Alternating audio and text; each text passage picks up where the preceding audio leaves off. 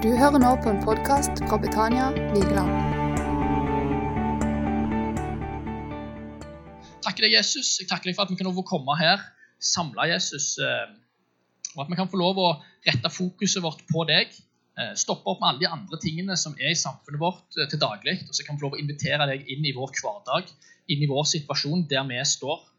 Og Ingen av oss er like Jesus, men du ser oss. Du vet hvordan vi har det på innsida. Du vet hva vi tenker på, og hvordan vi, eh, vår framtid hvordan den ser ut for. Eh, Så jeg ber bare om at vi kan legge det på deg. At hver enkelt som sitter her, kan få lov å spole inn på deg, far. Og få den connection med deg, og invitere deg inn i de minuttene vi har nå, Jesus. Legger bare dette møtet og resten av eh, den uka og sommeren som går i møte med, i dine hender, far. Amen.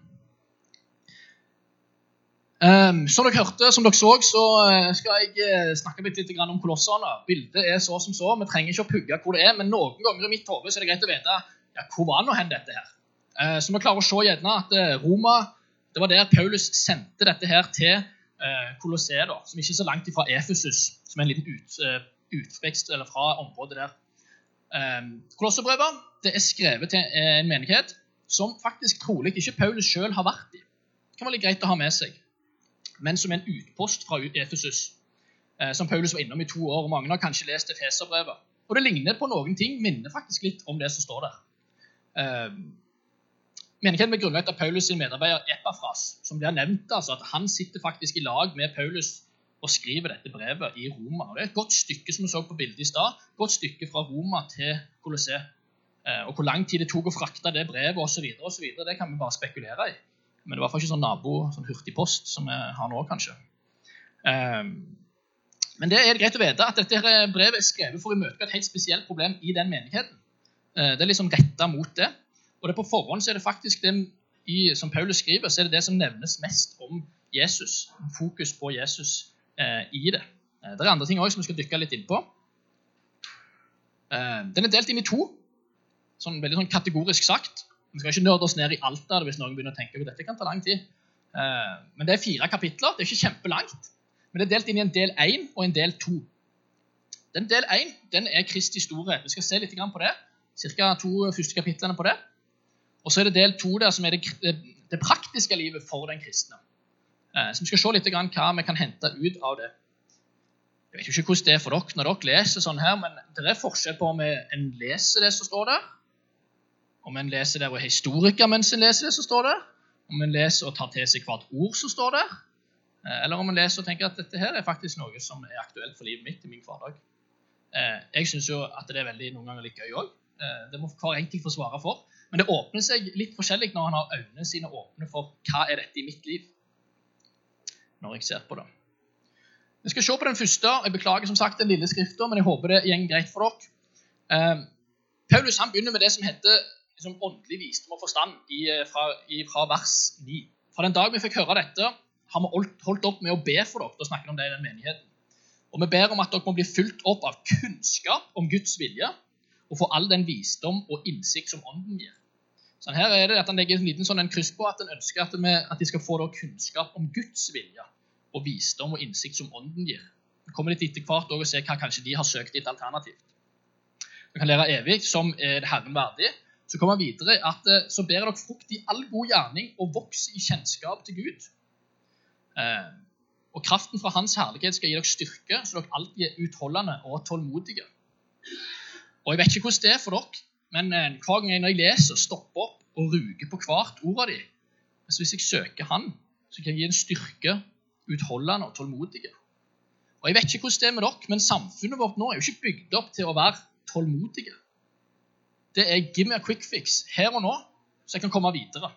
Og stoppe opp og gi meg tålmodighet, utholdenhet i bønn, utholdenhet i utfordringer i livet mitt. Det er noen ganger vært ganske krevende. Men det er klart at han sier jo det at det her, dette er noe en kan gi oss. Med glede skal dere takke Far, som satte dere i stand til å få del i det helliges arv i lyset. For han har fridd oss fri, fridd oss ut av mørkets makt og ført oss over i sin elskede sønns rike. I ham er vi kjøpt fri og har fått tilgivelse fra syndene. Han er bare straight on helt i starten der og sier OK, Kristi storhet er det som er. Han er kjøpt fri. Så kommer vi videre i det som er på en måte Jesus, universets sentrum. Det er ca. åtte vers der. Um, så det er ikke en enorm mengde.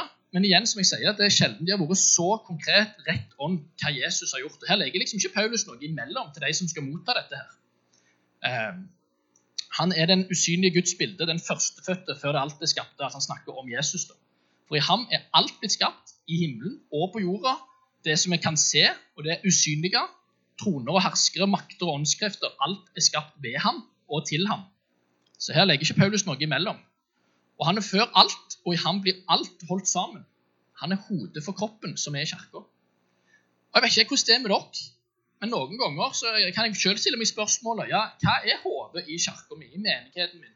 Ja, for saks skyld, hva er hodet i mitt hode? si da? Hvem er det som bestemmer i mitt liv? Er det det andre jeg ser rundt meg? Skal vi snakke litt om det?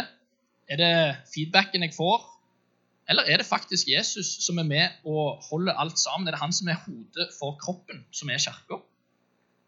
Du kan tenke litt sjøl. Han er opphavet, den førstefødte fra de døde, så han i ett og alt kan være den fremste. For i ham vil Gud la hele sin fylde ta bolig, og ved ham vil Gud forsone alt med seg sjøl, det som er på jorden og det som er i himmelen. Da han skapte fred ved hans blod på korset. Litt som igjen og Orden starta med i, i, helt i starten her. Um,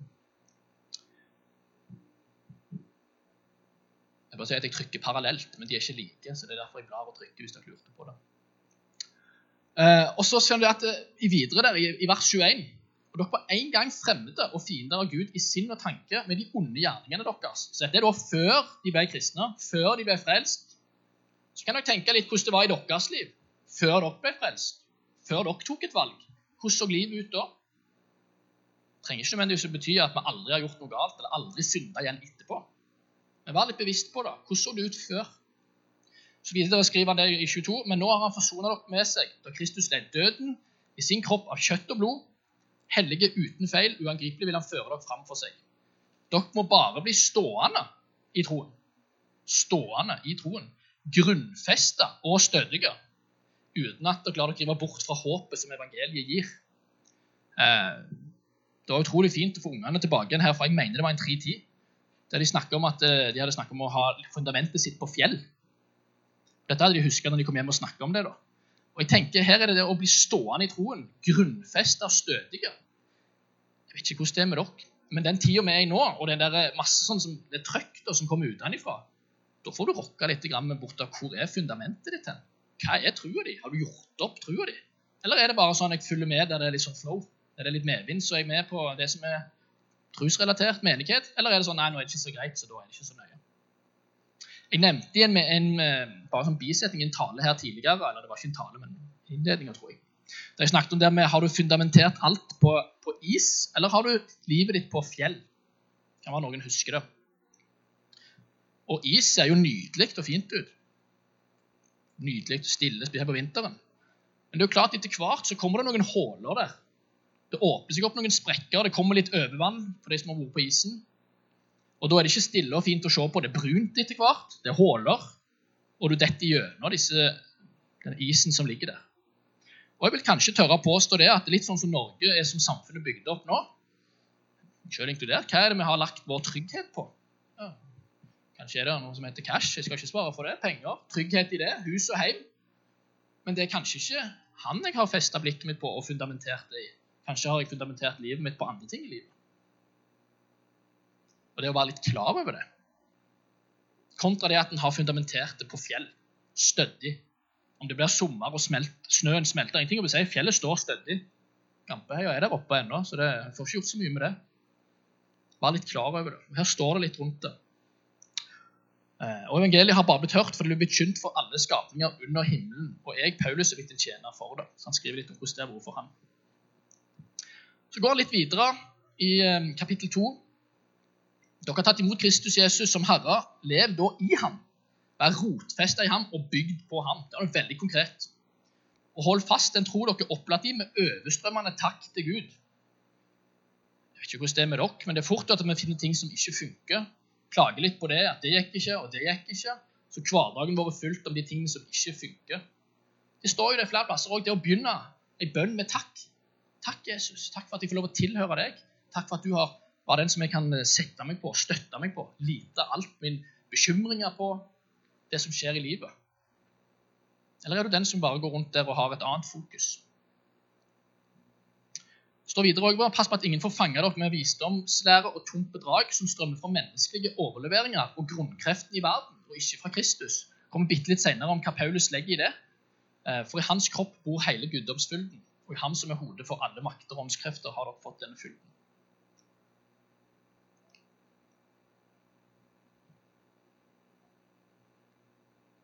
Beklager at jeg ikke snappa den før. Mot falske menneskebud. Her kommer det ganske konkret igjen. da. La dere ikke dømme dere når det gjelder mat og drikker. La ingen dømme dere når det gjelder mat og drikke, høytider, nymåne eller sabbat. Dette er bare skyggen av det som skulle komme, men kroppen tilhører Kristus. Dette er en gjeng, da. Vi vet ikke 100% om dette er innad i deres menighet, eller om det er utenfra. Det spekuleres i om dette er innad i deres menighet. Eh, da er det noen som har begynt å liksom begynner, skal begynne å dømme dem hvis det er noen som er det sånn og drikker sånn, og høytider de har, og alt mulig. Pirker borti noe. Ikke om jeg skulle si at det har vært sånn innad i vår menighet, altså, men uh, kanskje i samfunnet ellers kan en få litt sånn hva en skal som kristen kanskje stå opp for, hvem en skal tro en er, de forskjellige tingene som kommer opp. La ikke de som vil drive med selvfornektelse og engledyrkelse, røve seierskransen fra dere. Skal ikke nødvendigvis dra parallellen alt konkret inn hva det kan være i samfunnet, men kanskje har alle noen tanker og noen bilder av hva som kommer opp da i samfunnet vårt nå, som tar ganske mye fokus, som ikke handler om Guds bilde, i hvert fall.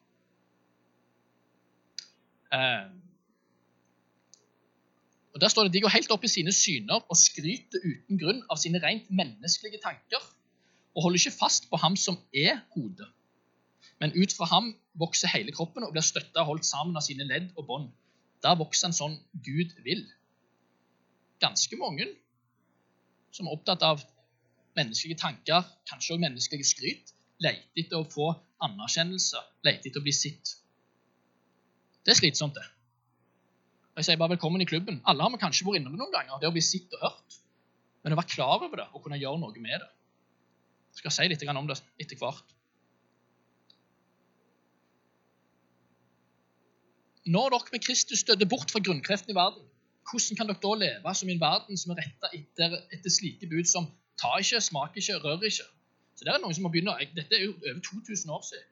Så var det noen som begynte å snakke om at ikke det, ikke gjør det, ikke gjør sånn, smak ikke på det, rør ikke på det. Eh, og da sier han, De gjelder jo ting som er meint til å brukes og forgå. Alt dette er bare mennesker, bud og lærdommer. Slik tar riktignok ord på seg for å være visdom, både den selvgjorte fromheten, selvfornektelsen og mishandlingen av kroppen, men det har ingen verdi. Det tjener bare til kjøttets tilfreds. For å gjøre kjøttet tilfreds. Jeg skal ikke lage nødvendigvis parallellene for langt til hvordan det er i dag òg, men vi har ganske mye i samfunnet vårt som er bygd opp til hvordan legemet, det menneskelige kjøttet, har det. Mange tips på hvordan gå ned i vekt, og hvordan gå opp eh, styrke og bli sett og alt mulig. Og det er klart, I seg selv kan det være greit å ta vare på kroppen sin. Ånd, sjel og legeme. Det er ganske sjeldent det blir nevna i noe vi får rundt oss der ute, om hvordan en har det i det åndelige. Og i hvert fall ikke mye som blir snakka om i det sjelelige heller. Følelser som ligger inni det. Blir tuna ned. Ganske mye handler om hvordan det har med kroppen vår. Og Her er det tillegg òg at det er mishandling av kroppen. Jeg skal ikke si at nødvendigvis det er likt som er alt nå, men kanskje er det noen paralleller som eh, en kjenner igjen. Og det er litt i det greia, da. Altså Et nytt grunnlag fra vers 28 til 23 der i kapittel 22, kapittel 2, vers 23, så er det der, Av og til så trenger vi et varselskilt, rett og slett. Du det billedliggjort det. Nå snakker vi om isen. Det er veldig, veldig koselig. I vinter var det veldig mye is og sånn, nesten sånn drukningsulykker. Det er så greit å vite at isen er usikker. Vokt deg for hunden, er noen som sier. Noen har jo svært skilt for det òg. Eh, og Paulus han forsøker på en måte å tegne opp noen sånne skilt for livet vårt. Så kan det kanskje hver enkelt ruge litt på det. Ja. Hvordan er det å få sånne advarsler? Hva slags tankesett, være seg religiøse, filosofiske, kulturelle, har vi rundt oss i dag som kan lokke oss vekk fra Jesus? Og jeg tenker ikke at det er sånn copy-paste, så det heter kopi, eh, og så bare tar vi, kopierer og limer det inn til, for alle. Fordi vi har forskjellige hverdag. Kanskje møter jeg på noe i min jobb noen andre utfordringer enn noen andre dere møter i deres hverdag. Men det handler om å prøve dem, og noen ganger vende blikket. OK, Gud, hva er dette her for noe? Er dette en liten eh, alarm her, eller er det en liten Pass deg for, Magnus? Som betyr ikke at jeg skal være grunn til å være livende redd hver eneste dag om hva er det jeg skal ete i dag, om å lese gjennom alle tingene, hva er det i denne her, for jeg tør ikke ete. Men å være litt bevisst på det. Eh, For vi blir på et eller annet vis prøvd å påvirke på. Religiøse, filosofiske og kulturelle. Del to. Det skjer et veldig gap der i Kolosserbrevet. Og der går han over eh, til å snakke om det praktiske livet for den kristne. Er dere da reist opp med Kristus, så søk det som er der oppe, hvor Kristus sitter med Guds høyre hånd. Og la sinnet være vendt mot det som er der oppe, ikke mot det som er på jorda. Jeg har nevnt det før, så kanskje noen nesten begynner å bli lei av det. Men se for dere det, at hvis jeg er ute og shopper der ute etter hva skal jeg gjøre der, hva syns den om meg, syns den jeg er bra, er jeg godkjent der, om dette var legen, eller om det var naboen, eller var foreldre, eller alt mulig, det er utrolig slitsomt. Og mest sannsynlig får du aldri en sånn en synkronisert tilbakeføring om hvordan du er, og hvordan de opplever deg. Kanskje sånn noe likt om humør, kanskje de toucher inn på det. Eh, Men tenk så greit det hadde vært hvis vi hadde eh, vendt oss mot Han, ikke mot det som er på jorda. Det betyr ikke at vi skal være kutt blinde eller ikke delta på ting som skjer i verden. Men hvis jeg er avhengig av det for å kunne ha det godt med meg sjøl, hvis jeg er avhengig av det for å finne ut av hvem er jeg og hvor er min identitet, så er det utrolig slitsomt. Og Jeg har en gang vært i tida fotball-Magnus, for de som kjenner meg. Jeg er sånn av og til. Men da var jo, hvis jeg ikke gikk bra i en fotballkamp, så var det jo aldri Magnus ingenting verdt. Dårlig taper. Og de som kjenner meg veldig godt, de vet at jeg eh, grein jo i friminuttene når vi tapte. Det var på det nivået. Eh, I mange år. Og Det er jo klart at det er jo fordi det rokker noe med grunnidentiteten. Sånn, hvis den gir feedback på det, og så får jeg det ikke til, klarer det ikke. Utrolig hva det gjør med en. Og For andre kan det være gjennom arbeid. Det må dere nesten svare for selv og kjenne etter selv hva det handler om. Men å være litt klar over det. Det står videre at dere er jo døde, og deres liv er skjult med Kristus i Gud. Men når Kristus, deres liv, åpenbarer seg, så skal det også bli åpenbart i herlighet med han. La det da jordiske i dere dø, hor, urenhet, lidenskap og ondt begjær og grådighet, som ikke annet enn avgudsdyrkelse. Det er den konkret. Alt dette gjør at Guds frede rammer de ulydige. Og Blant de var det òg dere, dere en gang det var levde sånn. Men legg nå av alt dette her. Sinne, hissighet, ondskap, spott og rått snakk. Jeg vet ikke om alle kan ha vært borti det noen ganger. Jeg sier igjen, jeg er velkommen i klubben noen ganger. Hvis ikke har vært og hatt kontakt med han der oppe. Så står det videre lyv ikke for hverandre. For dere har kledd av dere det gamle mennesket og dets gjerninger og iført dere det nye, som blir fornya etter sin skapers bilde, og lærer han å kjenne. Sant? Noen har kanskje hørt det at det var, sånn, det var et før du tok imot Jesus, og det var et etter du tok imot Jesus, så skjedde det noe. En endring. Og Her er det ganske konkret, her er det ikke greker eller jøde, omskåra eller uomskåra, barbar, skyter, slave eller fri. Nei, Kristus er alt og i alle. Kunne også skrevet 'for alle'. Og barbar det var et, sånt, et ganske sånn Det var de putta på, det var bare kalt for en som sa bar, bar, bar. Og en som ikke var veldig sånn ekstra.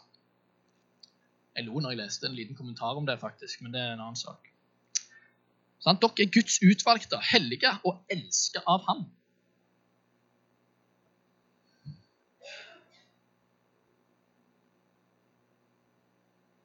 Jeg skal bare se om jeg hopper over. Det står fint. Eh, Kle dere derfor inderlig medfølelse og vær gode, milde og ydmyke og tålmodige, så dere bærer over med hverandre og tilgir hverandre hvis den ene har noe å be, bebreide den andre for. Og Det har dere kanskje vært borti noen har hørt om det. Det er forskjell på det å tilgi og ha tillit til. Noen som har hørt forskjellen på det noen gang? Vi skal jo ikke bli akutt glemske at vi husker at noen sa det og det og det og det om oss. Men skal vi ha på den der, skal vi ruge på den brodden i det, så skal vi kunne si at vi tilgir dem. Og det behøver ikke, betyr ikke at vi plutselig skal få tillit til folk eller andre en omgås med. Men tilgivelse det er noe helt annet. Det er å ta ut brodden så en kan slippe fri. Og Dere vet sjøl hvordan det er i deres liv. Om det er noen en faktisk ikke har noe, har ikke gjort opp. Altså, Jeg har ikke tilgitt den engang. Og tillit har han i hvert fall ikke. Det er jo en annen sak. Har han ikke tilgitt, han som regel ikke tillit. Men hva er det?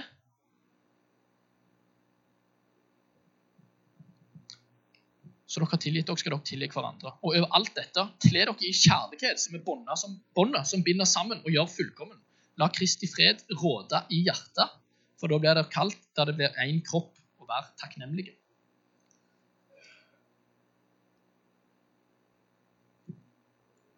Jeg vet ikke med dere, men det er jo litt artig med altså Johannes 3, 16. Nesten er fint at du snakket fra det. Fordi at Kolossene 3.16 er nesten så jeg skulle sagt at alle som driver med lovsang, burde ha det som sånn Det er flaggsak. Det skal vi pugge hengt opp bak her, eller et eller annet.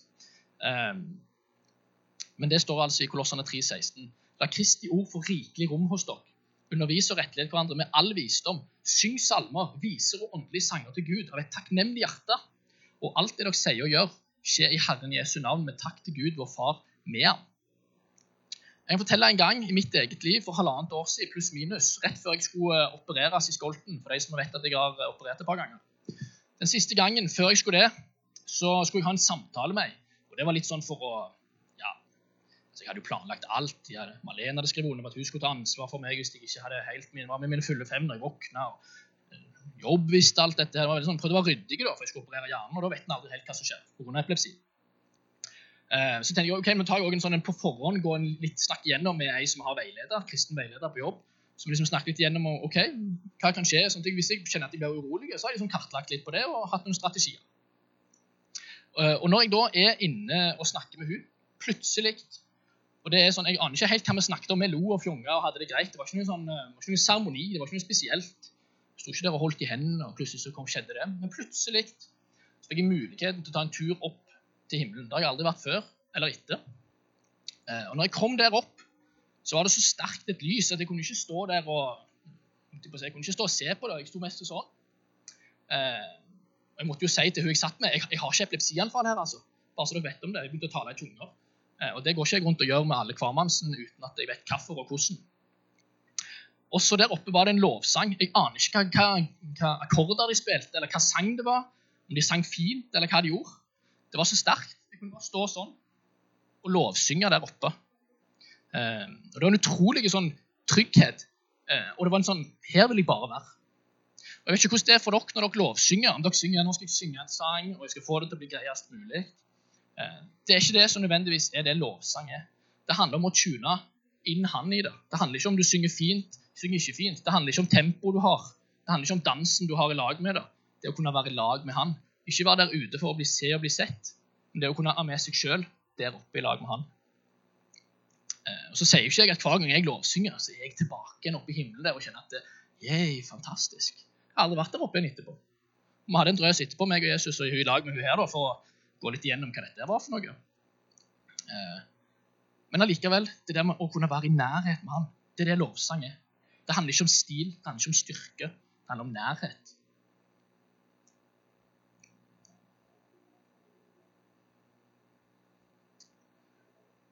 Slutten, siste delen av dette her, så står det også det noe med det å være utholdende i bønn. Våk og be med takk til Gud. Eh, be òg for oss og at Gud må åpne en dør for ordet. Jeg vet ikke hvordan det er med dere, men jeg snakker litt om tålmodighet. Noen ganger så er det sånn at folk, hvis de har snakka, så holder det i fem-ti minutter, så var det, ja, da var det ikke noe mer. Så er det kaker og kaffe, så var det ikke mer. Det å kunne ha en utholdenhet i bønn. Og som noen viste en gang et bilde av, det der med å fylle på den der krukka bønnekrukka til det til slutt flyter over, som det skjer noe i folk. Det krever av og til litt. Og jeg tenker faktisk av og til at Jesus han tester av og til litt min utholdenhet i bønn. For jeg kan også noen ganger mm, bed ferdig, og så var telefonen Ja, skal vi se, det var jo noe nytt her. Uh, Istedenfor å rette mitt fokus på han, invitere han inn. Og Jeg tror ikke nødvendigvis at Jesus er på jakt etter det skal være noe sånn, eh, det er ikke noe fancy bønn eller rekkefølge på hva du ber. Uh, men Han vil bare at vi skal åpne opp dialogen med ham. Som jeg har nevnt for noen, Når jeg kjører bil opp til Eiken på jobb, så har jeg litt på tale, og sånt, og så på slutten der så setter jeg av, og da kan jeg bare be i lag med han. Og jeg har ikke nødvendigvis noe konkret jeg ber om. Jeg bare ber. Jeg drøser med han. Jeg forteller hvordan jeg har det, ting som kommer opp i hodet mitt mens jeg sitter der. Eh, ting jeg kjenner på ubehag. Noen ganger så snakker jeg bare språk som han fatter. Men jeg er alene. Jeg er ikke der for å bli sett og hørt. Jeg har en dialog med han kontra at de skal gå ut når jeg kommer på jobb og lete hva de syns om meg. Det er ganske slitsomt. Hvis min identitet og hvordan jeg har det, skal bli preget av hvordan de som er på jobb, hva de syns om meg. Den kan jeg ta før jeg kommer på jobb. Og Der står det også det med at, og dette er det Paulus som skriver om, ber om at jeg må tale. altså Paulus må tale sånn at jeg skal gjøre det når jeg gjør det kjent. Gå fram med visdom blant de som står utenfor, og bruker den dyrebare tiden godt. La alt dere sier, altså den menigheten, være vennlige, og la det ha salt og kraft, så dere vet hvordan dere skal svare hver enkelt. Og I kapittel 4 der så står det det med nye stemmer. Ordene våre har stor makt, både bønnene våre til Gud og måten vi snakker om og til hverandre på. Er vi noen ganger bevisst på hvordan vi snakker til hverandre, til naboen, om folk? Ja, ikke minst om seg sjøl. Er det pisken på seg sjøl? Magnus, du skulle ha blitt bedre, du skulle ha tatt deg sammen, du skulle ha vist bam, bam, bam. Jeg terningkast til meg sjøl når jeg går ned herifra? Hvordan var denne talen? Er det bestått, ikke bestått? Vær litt klar over hvordan hva en sier til andre, og hvordan en snakker til seg sjøl. For det gjør noe med en.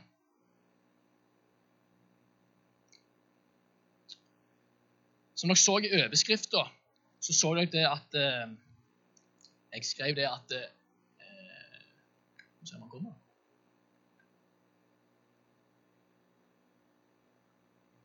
Kan du overstyre han? Han var liksom blacka.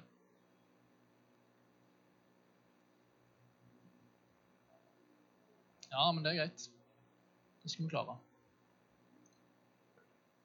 Hovedtittelen for det vi hadde nå, det er at Jesus er nok. Eh, og jeg vet ikke helt eh, hva dere tenkte på når dere starta.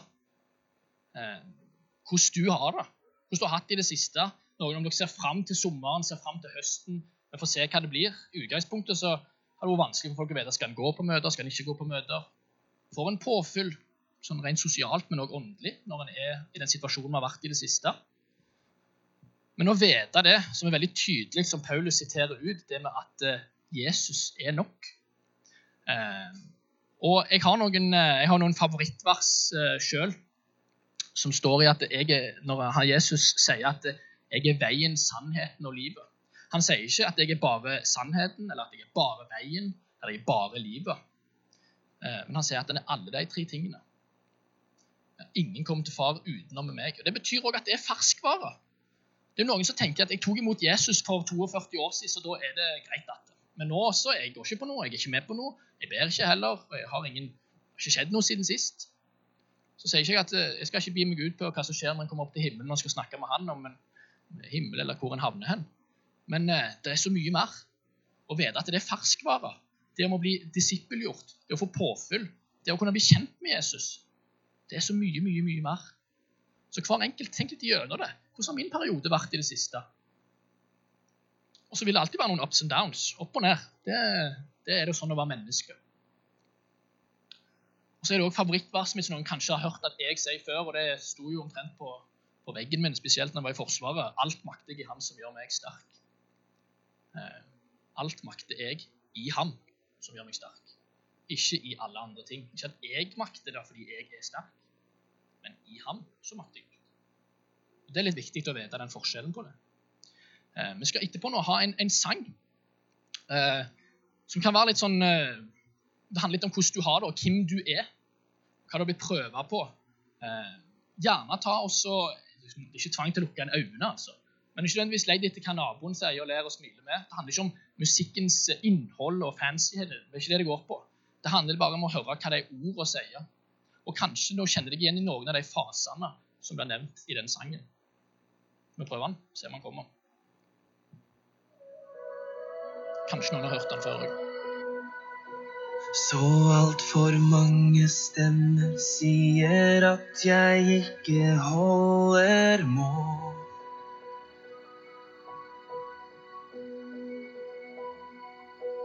Men jeg bekjemper løgnen som har påført meg så mange sår.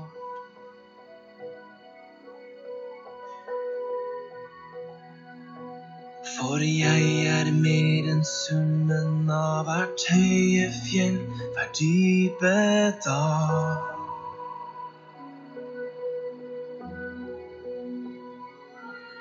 Og om mitt mot vil svikte, La meg huske på hvert ord du sa. Å, du sier jeg er din, selv på min verste dag. Du sier jeg er sterk når jeg tror jeg er svak. Du sier jeg er nok når jeg ikke strekker til. Når jeg ikke selv kan gå, så bærer du mitt liv.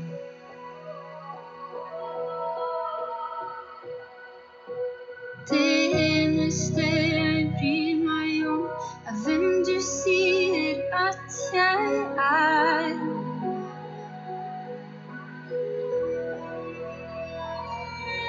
For jeg har funnet sann identitet er i deg. Du sier jeg er din, selv på min verste dag. Du sier jeg er sterk når jeg tror jeg er svak. Du sier jeg er nok når jeg ikke strekker til. Når jeg ikke selv kan gå, så bærer du mitt liv. Og jeg tror, ja, jeg tror dine ord om meg. Ja, jeg tror Nå er tiden kommet for å gi deg alt jeg er og har.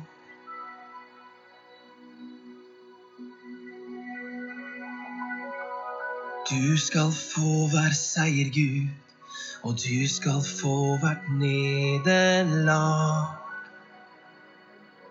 Åh, du sier jeg er din, selv på min verste dag. Du sier jeg er sterk når jeg tror jeg er svak. Du sier jeg er nok når jeg ikke strekker til. Når jeg ikke selv kan gå, så bærer du mitt liv. Du sier jeg er din, selv på min verste dag. Du sier jeg er sterk når jeg tror jeg er svak. Du sier jeg er nok når jeg ikke strekker til. Når jeg ikke selv kan gå, så bærer du mitt liv. Og jeg tror, ja, jeg tror dine ord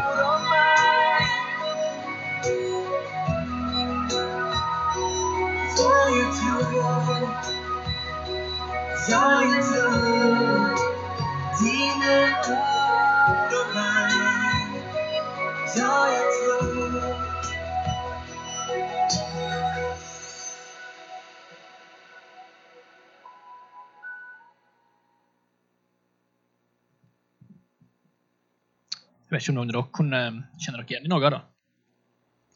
Um, prøve oss på neste. Jeg vet ikke, som sagt, eh, når jeg ble opp, skulle bli operert um, Det er rørende for meg. Kanskje noen har sett den her før.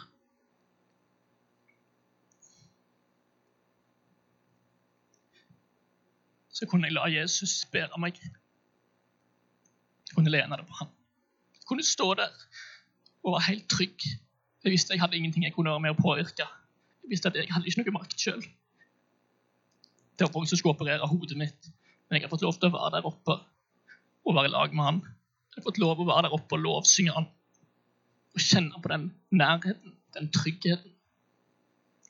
Og det Kanskje sett disse sporene før, der en til slutt tidligere så to spor på sanden. En historie som mange har hørt før. eh, Der det går over til å være ett spor på sanden. Og det må en kjenne at en er sjøl ikke klarer det. Så kan en lene seg på Jesus. La han bære deg. Jeg vet ikke hvordan det er med dere. Jeg vet ikke om noen gang dere har latt Jesus bære dere. Kjent på hvordan det er. Men jeg kunne gå inn der og bli operert. Kunne være, De trenger ikke gi meg noe beroligende før jeg skal operere. De trenger ikke gjøre noen ting. Jeg kunne ha hvilepuls helt ned i sekken. Jeg kunne bare lukke øynene og si gjør det dere ønsker. Jeg har full trygghet i deg, Jesus. Jeg stoler på deg. Du har makt. Du er den som styrer. Da hadde vi tatt vekk alt det andre. Vi hadde tatt vekk om hvordan det er med bil og båt og hus og hjem og alt mulig. Da lå den der nede, og trua ble prøvd. men det å legge det på han. Så var det veldig mange her inne som folda hendene og ba for meg i den perioden. Og det er jeg evig takknemlig for. Eh, men jeg kunne ha full tro på han, overbevisning om at jeg kunne legge det på han. Jeg vet ikke hva du står i, jeg vet ikke hvordan din hverdag er. Jeg vet ikke hvordan din sommer kommer til å bli, din høst. Eh, men inviter han inn. Ta han med. Legg det på han, den byrden du har. Legg det på han, de utfordringene du står i. Ikke leit der ute. Ikke leit etter hvordan naboen reagerer. Ikke leit etter hvordan dine foreldre, hvem det er rundt. Leit etter hvordan Hva sier han til meg? Legg det på han. Sitt bak på ryggen til han. La han bære deg. Det er det han er der for. Vi kan få lov å komme opp. Ta det med dere. som sagt. Det er den siste møtet vi har nå før sommeren. Og det er ikke akkurat uh, meninga å ja, Klarer ikke å ødelegge sommeren deres. Men inviter han inn i din hverdag. Ta han med deg. Og når vi kommer til høsten igjen, se hva du trenger, hva du har behov for. Vær tydelig med de rundt deg. Se hva du trenger. Det er umulig å gjette hvordan dere har det. Det kan ikke det, Ordin kan ikke det, ingen kan ikke det. Men han, han vet det. Han ser deg. Han hører deg. Så gå til han. Spør han. Inviter han. Det er derfor han er der. Det er han som er skaperen. Det er han som er redningen. Vår frelser. Aldri glem det, dere som noen gang har tatt imot det før. Aldri glem det. Det er mye annet han har gått igjennom, men aldri glem det. Dere som aldri noen gang har tatt imot han, ikke gjort et valg, vet ikke helt hvem han er. Han er der. Han er der for deg i denne verden vi lever i nå. Opp og ned. Vet aldri hvordan det er. Ta imot han. Spør etter han. Han er der for deg. Du trenger bare å si de ordene og bekjenne at du ønsker han i ditt liv. Det er det eneste. Vi skal ta oss og avslutte med en, en sang nå. Eh, dere velger sjøl hvordan dere gjør det, om dere står eller sitter. Eh, men det er lov etterpå å ta en drøs her. Jeg kommer til å sitte nede i hjørnet her. Eh, men ønsker endelig å be i lag med dere. Jeg tror at bønna er det sterke, den er det kraftige. Det står det så mange ganger om i Bibelen. Vær klar over det. Dere har alltid et valg sjøl. Vi tvinger dere ikke til noen ting. Men inviter han inn i livet ditt.